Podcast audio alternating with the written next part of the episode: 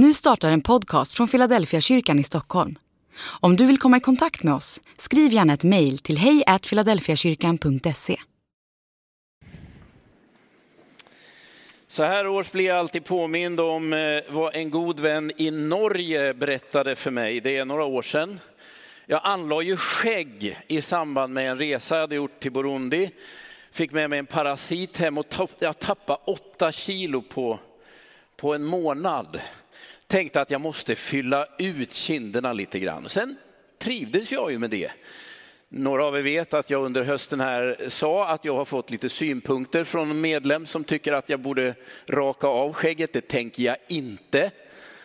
Jag trivs med det.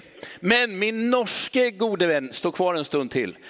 Han såg i mitt skägg och så sa han till mig, han är teolog, doktorerat i teologi, och sa att rent teologiskt kan man indela julen och människors eh, förändring i fyra epoker. Jaha, hur då?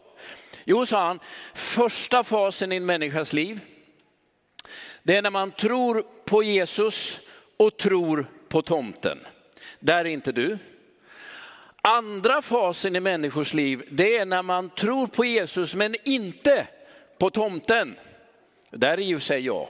Nej, sa han, du har gått vidare. Tredje fasen i en människas liv är ju när man, när man tror på Jesus och är tomten.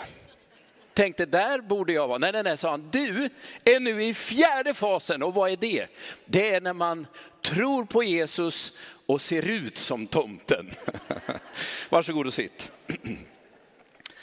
Så ni vet, jag har ju under några år haft en alternativ karriär som tomte i bostadsrättsföreningen där jag bor. Jag har inte fått någon förfrågan i år. Vi får se om det kommer här.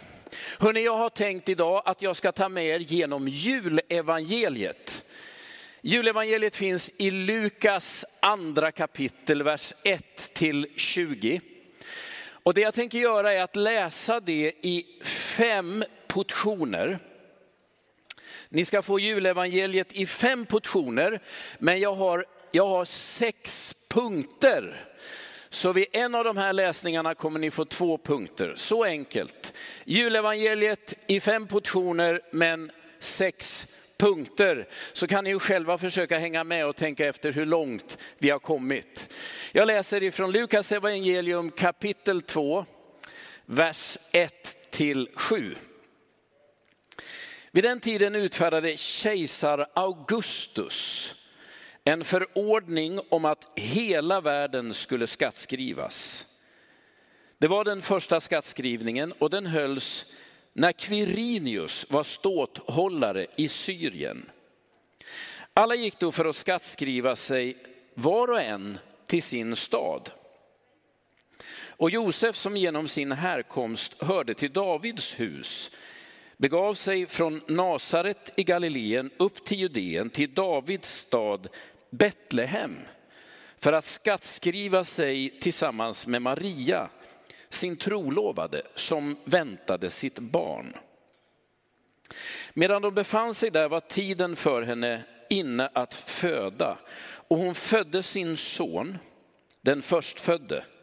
Hon lindade honom och la honom i en krubba eftersom det inte fanns plats för dem inne i härberget. Första läsningen, första punkten. Evangeliet om Jesus handlar om den vanliga verklighet vi alla lever i. Evangeliet om Jesus handlar om den vanliga verklighet som du och som jag lever i. Det är inget parallellt universum. Det är inte en annan dimension. Nej, det Gud gör genom Jesus och som sen upprepas generation efter generation har alltid att göra med den praktiska, vanliga politiska verklighet som vi lever våra liv i. Ni kände ju igen början. Kejsar Augustus utfärdar en förordning om att hela världen ska skattskrivas. Det händer när Quirinius är landshövding i Syrien. Varken Augustus eller Quirinius har ju särskilt mycket med Jesus att göra. Bägge är förmodligen helt omedvetna om det som händer. Men det är två politiska makthavare som är helt sekulära, alltså helt frikopplade från Jesus. Men det Lukas berättar i evangeliet, julevangeliet är att det Gud gör, det händer i verkligheten. Det händer inte i huvudet, inte i hjärtat på folk, när det händer på riktigt. När Augustus är kejsare och Quirinius är ståthållare, då handlar Gud. Min första poäng är ju så enkel och självklar, men det Jesus vill göra i ditt liv är någonting som har med din verklighet att göra. Och du som sitter här, eller du som är hemma framför webben eller med via närradion och som tänker jag skulle behöva att Gud rör vid mig här och nu. Det är precis det evangeliet handlar om. Att Gud ser den vanliga vardagen, dina praktiska bekymmer, omständigheterna du kämpar med. Och det är dem som Gud genom Jesus lägger sig i. Men låt mig nu direkt säga, det är inte alltid Gud gör det vi vill. Det är väldigt viktigt att förstå. Det går inte här att sitta och tänka, ja men bra, då har jag ju Gud på min sida, nu kommer allt bli som jag har tänkt. Så funkar det inte. Det finns ett stort mått av ödmjukhet som man behöver ha med sig. Det är inte jag som talar om för Gud vad Gud ska göra. Det är snarare så att Gud informerar mig om sina avsikter om jag vill lyssna. Och jag kan välja att ta emot och ge plats för det. Men det är i alla fall säkert, att när Jesus gör någonting i människors liv, så händer det i den vardag där du befinner dig. I de omständigheter som är dina, i den familj du har omkring dig, med alla bekymmer du tycker finns runt omkring dig. Vi lever ju ganska många av oss med idén om en ideal verklighet. Ni vet man ägnar sig åt lite verklighetsflykt ibland och tänker om det hade varit så, om det hade varit så. Om jag hade gift mig med den eller om jag hade haft den eller om jag hade haft en sån bil, eller om vi hade bott i det huset, om jag hade haft det jobbet. Nu är det ju bara så att så blev det inte. Du bor där du bor och du lever som du lever. Lyssna nu, det Gud gör genom Jesus. Det har att göra med den verklighet som är din här och nu, inte det ideal du har i huvudet eller som du drömmer dig bort till. Karl Marx han skrev ju att religion är ett opium för folket. Det skulle jag säga, nej det är det verkligen inte. Det är möjligen en, en Alvedon för den som har lite smärta, men evangelium är Guds kraft rakt in i den vardag där du befinner dig. Det är inte verklighetsflykt, det är verklighetsterapi. Att möta Jesus är ju ibland att verkligen få möta både sig själv och de utmaningar man har och den vardag som är min. Jag kan inte längre fly. Det är det här jag måste ta tag i, det är här jag behöver bli mer närvarande. Jesus är den som hjälper dig till detta. Min första poäng när jag läser detta evangelium, julevangeliet är att det Gud gör, det gör han alltid i tid och rum. I verkligheten, i dina omständigheter som de är. Det var kejsar Augustus och det var Quirinius. Det var då och där som Gud blev människa. Så du som är med här och tänker, livet borde sett annorlunda ut. Jag skulle ha gjort ett antal andra val, jag drömmer om någonting annat eller om jag vore någon annan. Sluta. Du är den du är, det ser ut som det gör. Det Gud vill med dig är att besöka dig rakt där du befinner dig. Inte någon annanstans på en annan plats om du var en annan människa. Som du är, där du finns, som du har det. Där kommer Jesus att möta dig och bara där. Evangeliet händer på riktigt i verkligheten. Mycket annat händer i våra huvuden och i våra drömmar. Men när Jesus kommer på besök, då är man tillbaka i vardagen. Ja, det var min första punkt. Jag läser ifrån, jag fortsätter läsa Lukas evangeliet. Här kommer andra portionen, kapitel 2, vers 8. I samma trakt låg några herdar ute och vaktade sin jord om natten. Ja, men herdarna har man ju hört talas om, eller hur? Men, men ni har ingen aning om vad borgmästaren hette i Betlehem på den tiden? Eller vilka var, vilka var de mest kända influencersna i Betlehem då? Vilka artister var det som låg högst på Spotify-listan? Vilka kända affärsmän fanns i Betlehem? Ni har ingen aning. Det enda vi vet är ju att det fanns några herdar som låg ute på en äng. De har gått till världshistorien. Här kommer då min andra poäng. Alla människor är viktiga för Gud. Det vill säga när Gud handlar, handlar han alltid in i din vardag. Och det budskapet julevangeliet ger det, varenda människa verkar viktig. Herdar enligt judiska Talmud var inte trovärdiga vittnen. Samma sak gäller också kvinnor. Jag håller inte med, låt mig nu säga det. Jag håller inte med, men så stod i judiska Talmud. Ni vet den där kommentarsamlingen, den är diger, finns i många varianter som i judisk tradition har byggts upp runt de heliga skrifterna. Då kunde man konstatera, herdar inte pålitliga kvinnor kan man inte lita på heller. Ja, men tänker du, herdarna är ju, de har ju liksom en huvudroll på själva julnatten. Absolut, vad är budskapet? Gud räknar med alla människor. Det finns säkert någon som har räknat ut dig, ibland räknar du ut dig själv. Men Gud gör inte det. Om du bara kliver framåt drygt 30 år till så, så vet ju du, några av er i alla fall, att de som är de första vittnena enligt alla fyra evangelier, evangelier till Jesu uppståndelse från de döda är kvinnor. Det finns ju en jättetydlig poäng. Det är som att Gud vill knäppa oss människor på näsan. Vi räknar människor olika, vi bedömer vem man ska lyssna till, vem är trovärdig och vem gills inte. Julevangeliet säger alla människor är viktiga. Det kan du tänka på när du pysslar med krubban där hemma och herdarna. De här var sådana som ingen räknade med. De har huvudrollen på julnatten. Då läser vi den tredje portionen, Lukas 2, 9-14.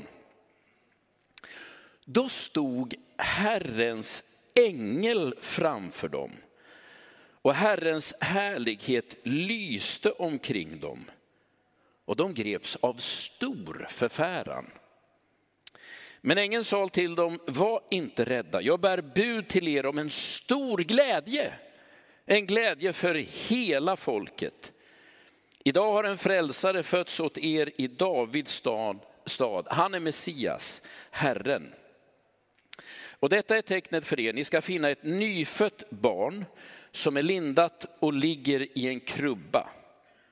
Och plötsligt var där tillsammans med ängeln en stor himmelsk här som prisade Gud. Ära i höjden åt Gud och på jorden fred åt dem han har utvalt.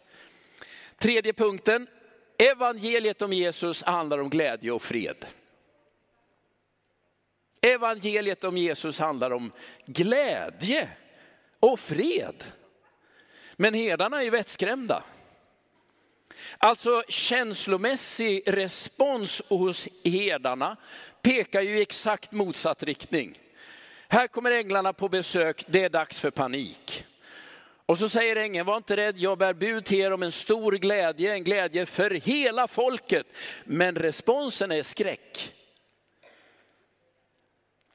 Jag tror att det är viktigt att lära sig skillnad på vad jag känner i kroppen och vad som är evangeliets egentliga budskap. Kom nu ihåg detta. Evangeliet om Jesus Kristus är ett glädjebud. Det är ett bud om fred, om försoning, om en ny chans. Men jag har mött så många människor som mest känner obehag för tanken på Jesus. Vad skulle hända om Jesus såg mig?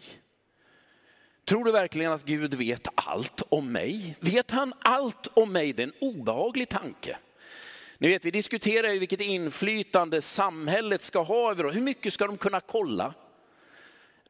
Nu finns det ju en del som spekulerar i att vaccinet skulle kunna vara ett nytt sätt att hålla koll på folk. Jag brukar säga att det behövs inget vaccin till det, de har din telefon. Om, de, om du stänger av den kan de ändå lyssna, de kan se vad du är, vad du gör. Det är ju riktigt illavarslande. Då kan man toppa det och säga, Gud vet till och med vad du själv tänker. Och han vet det innan du har tänkt tanken. Rätt många människor känner någon sorts krypande olust inför detta. Att vara så totalt genomskådad. Och då får jag väl säga att en del av mina kollegor har ju även utnyttjat det där obehaget. För det är bättre att folk omvänder sig av oro.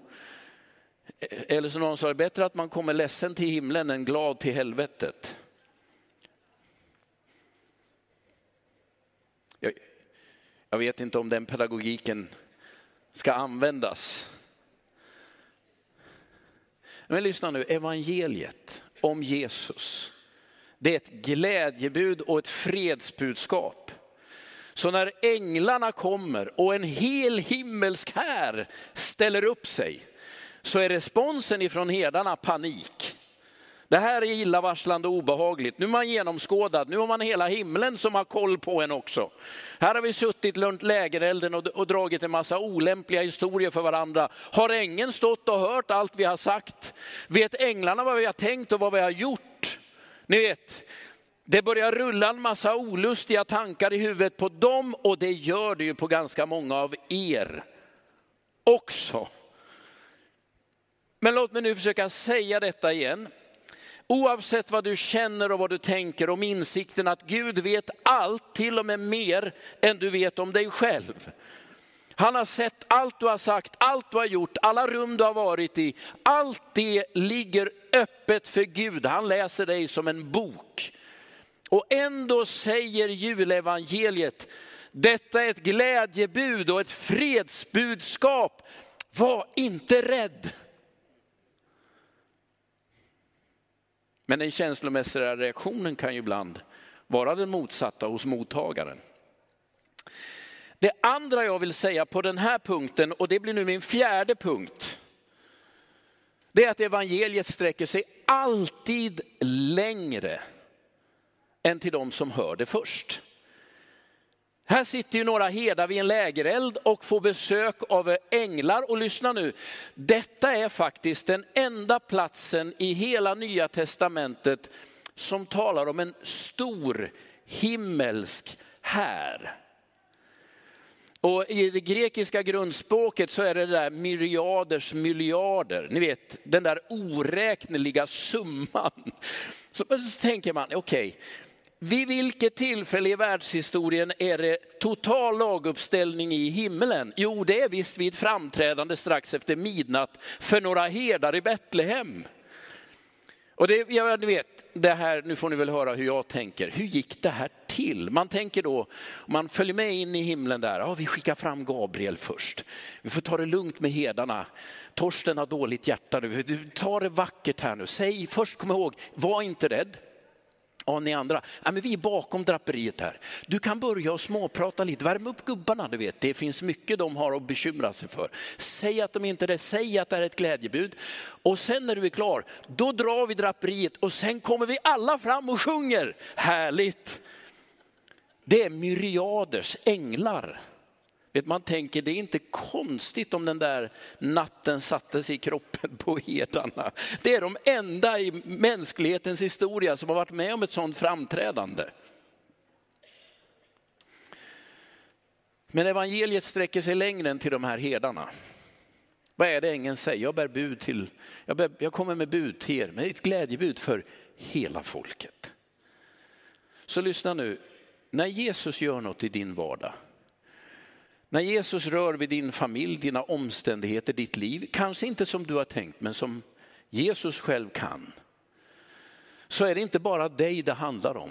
Det är alltid mycket längre räckvidd på det Jesus gör än du och jag. Jag har bud till er för hela folket. Det vill säga evangeliet om Jesus, ja men det har jag tagit emot, men det handlar ju inte bara om mig. Det börjar i mig men det sträcker sig till alla människor överallt. Och det vill jag att du ska ta med dig nu också. Alltså evangeliet och din vanliga vardag hör ihop. Punkt ett, alla människor är viktiga, det var herdegrejen.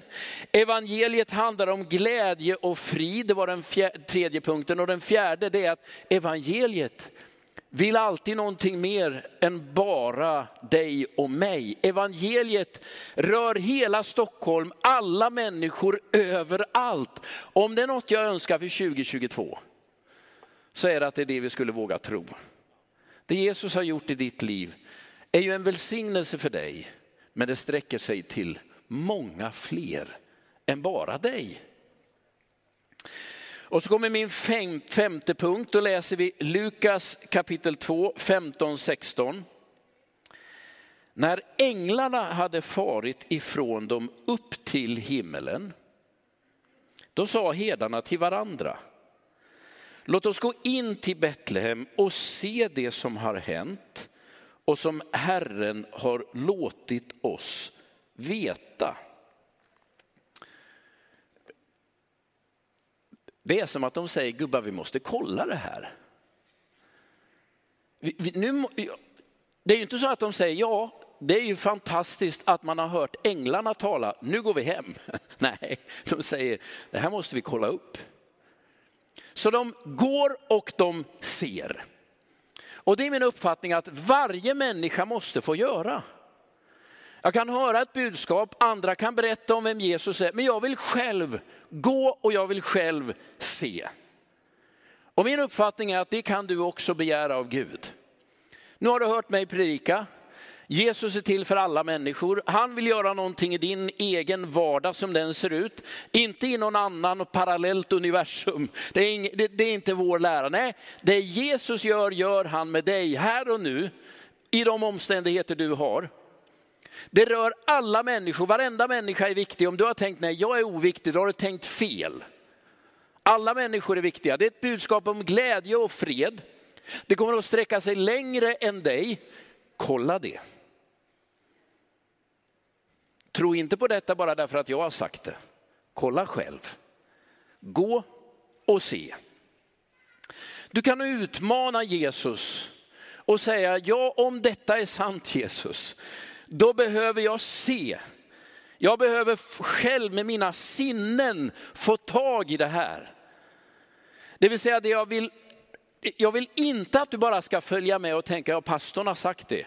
Spelar ingen roll vad jag säger, du behöver själv se, erfara, känna. Du behöver själv gå och ta emot. Och det kan du utmana Jesus till. Om det här är sant, då behöver jag se det här. Gå och se. Min förhoppning är ju att det är det människor skulle kunna upptäcka här i, i, i Filla, i Tyresö, Mälarö, Öna, Bergakyrkan, vad vi nu är i, i vår gemenskap. Det är inte bara så att du måste blunda och hålla med och nicka. Nej, nej, kolla själv. Utmana er, säg till Jesus om detta är sant.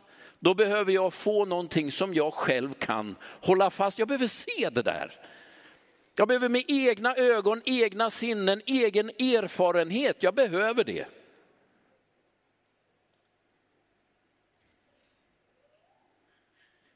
Du kan hålla Gud ansvarig för hans löften. Det är min bestämda uppfattning. Du kanske inte får svaret precis som du har tänkt, men svar kommer du få. Till sist, vi läser sista portionen nu, Lukas kapitel 2, vers 17 till 20. När de hade sett det berättar de vad som hade sagts till dem om detta barn. Alla som hörde det häpnade över vad herdarna sa. Maria tog allt detta till sitt hjärta och begrundade det. Och herdarna vände tillbaka och prisade och lovade Gud för vad de hade fått se och höra. Det där upprepas ju gång på gång. Allt var så som det hade sagts dem. De har fått se och de har fått höra. Och sen berättar de. I Lukas eh, kapitel 6, vers 45 står det att det hjärtat är fullt av talar munnen. Det är väl verkligen sant. Ja, man skulle väl kunna skriva om det där bibelordet och säga att det hjärtat är fullt av, det vill jag gärna uppleva igen. Det hjärtat är fullt av, dit vill jag gå. Det hjärtat är fullt av, det gör mina händer. Det hjärtat är fullt av, det vill jag investera lite pengar i. Det hjärtat är fullt av, det ger jag mitt engagemang. Vad är det som händer med herdarna? Ja, nu är de fulla av det de har sett och det de har hört. Så de berättar det för alla. Det här är, behöver vi informera om. Det är väl förmodligen därför hedarna går till historien. Kan, man ska inte dela med sig av något man själv inte har sett och inte har hört. Men det du har sett och det du har hört, det kan du dela med dig av till andra. Det är egentligen summan i detta evangelium. Nu har du fått julevangeliet i fem portioner med sex punkter. När du hör det här julevangeliet den här julen, kom då ihåg det. Nu bäst jag tittar på pappret så jag har rätt punkter. 1. Evangeliet och din vanliga vardag hör alltid ihop. Du drömmer dig bort, Gud tar dig tillbaka till vardagen. Det Jesus gör, gör han i din vanliga vardag. Kanske inte som du har tänkt, men det är där han möter dig. Alla människor är viktiga. I alla kulturer, i alla olika situationer har vi alltid sorterat bort vissa människor. Vi har gjort det förr, vi gör det fortfarande. Gud har aldrig gjort det. Därför är herdarna vittnet på julnatten och kvinnorna på uppståndelsens morgon. Ingen av dem räknades där och då, men Gud plockar in dem. De är förstahandsvittnen. Evangeliet handlar om glädje och fred, även om människors reaktion är sorg, förtvivlan, rädsla, så är själva budskapet som summeras i och genom Jesus, detta är glädje, detta är frid. Och budskapet sträcker sig alltid längre än till den som hör det. Om jag har hört något, om jag har sett något, så handlar det om mig, men det är alltid riktat till fler. Det är liksom summan i evangeliet. Gå och titta.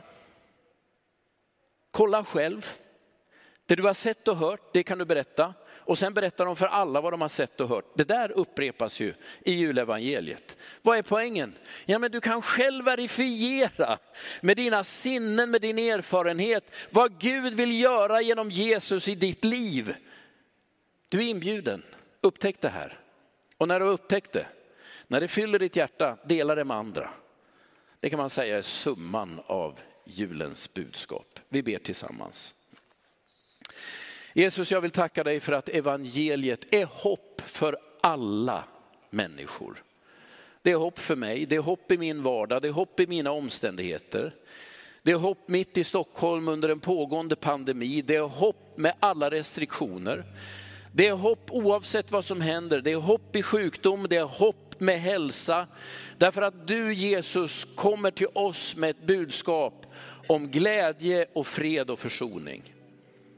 Nu ber jag dig att någon den här dagen skulle, skulle få uppleva att du faktiskt gör något på riktigt i vardagen som den ser ut. Herre var med oss nu, vi ber om det i Jesu namn. Amen. Lyssna till den här sången så ska vi strax be tillsammans.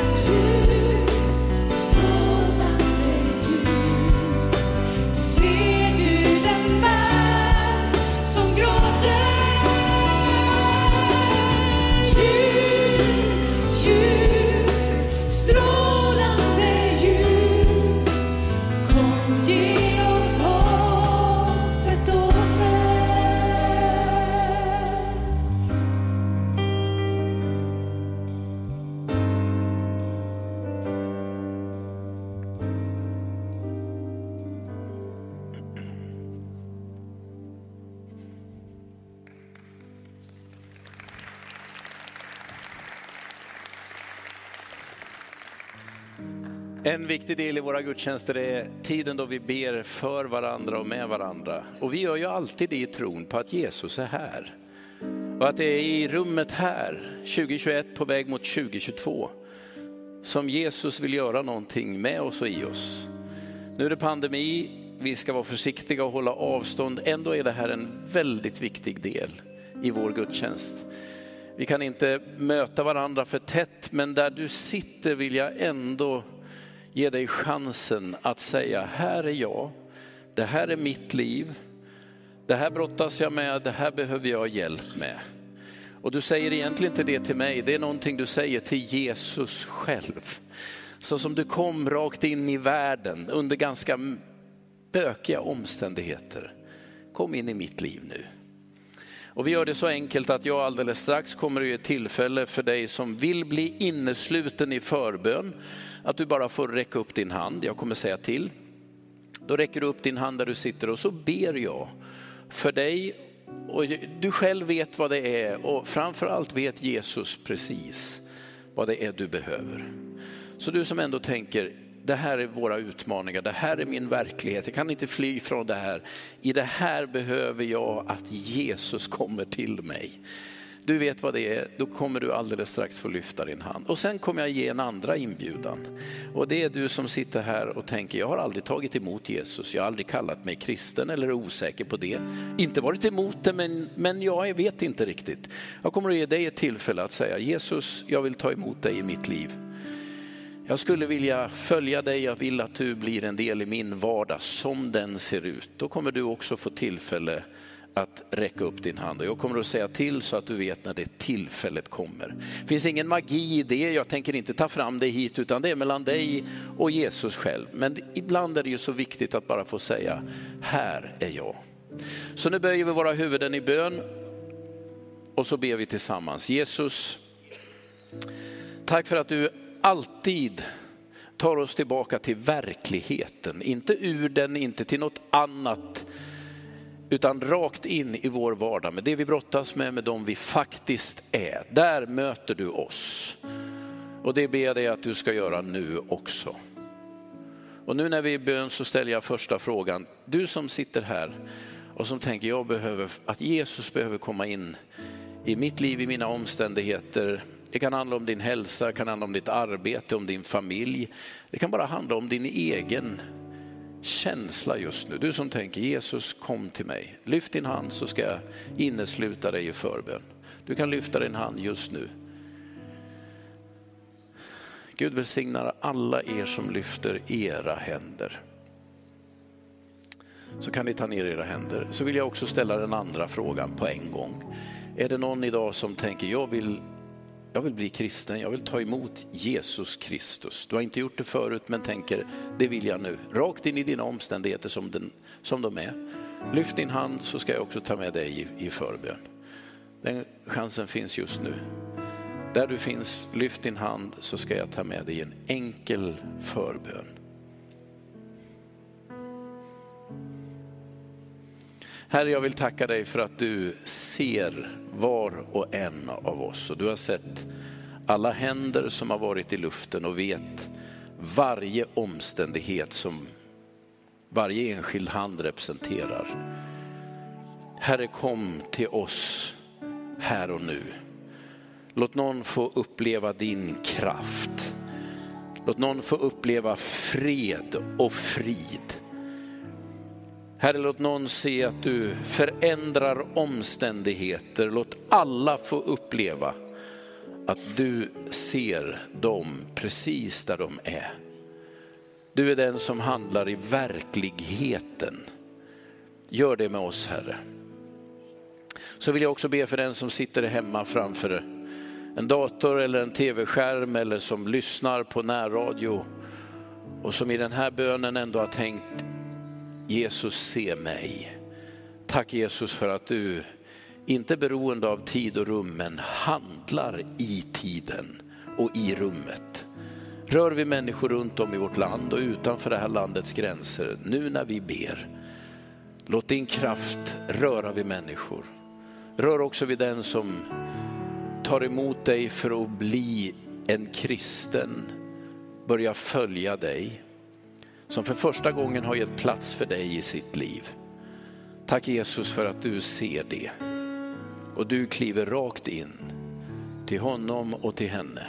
Tack för julens budskap. I Jesu namn. Amen.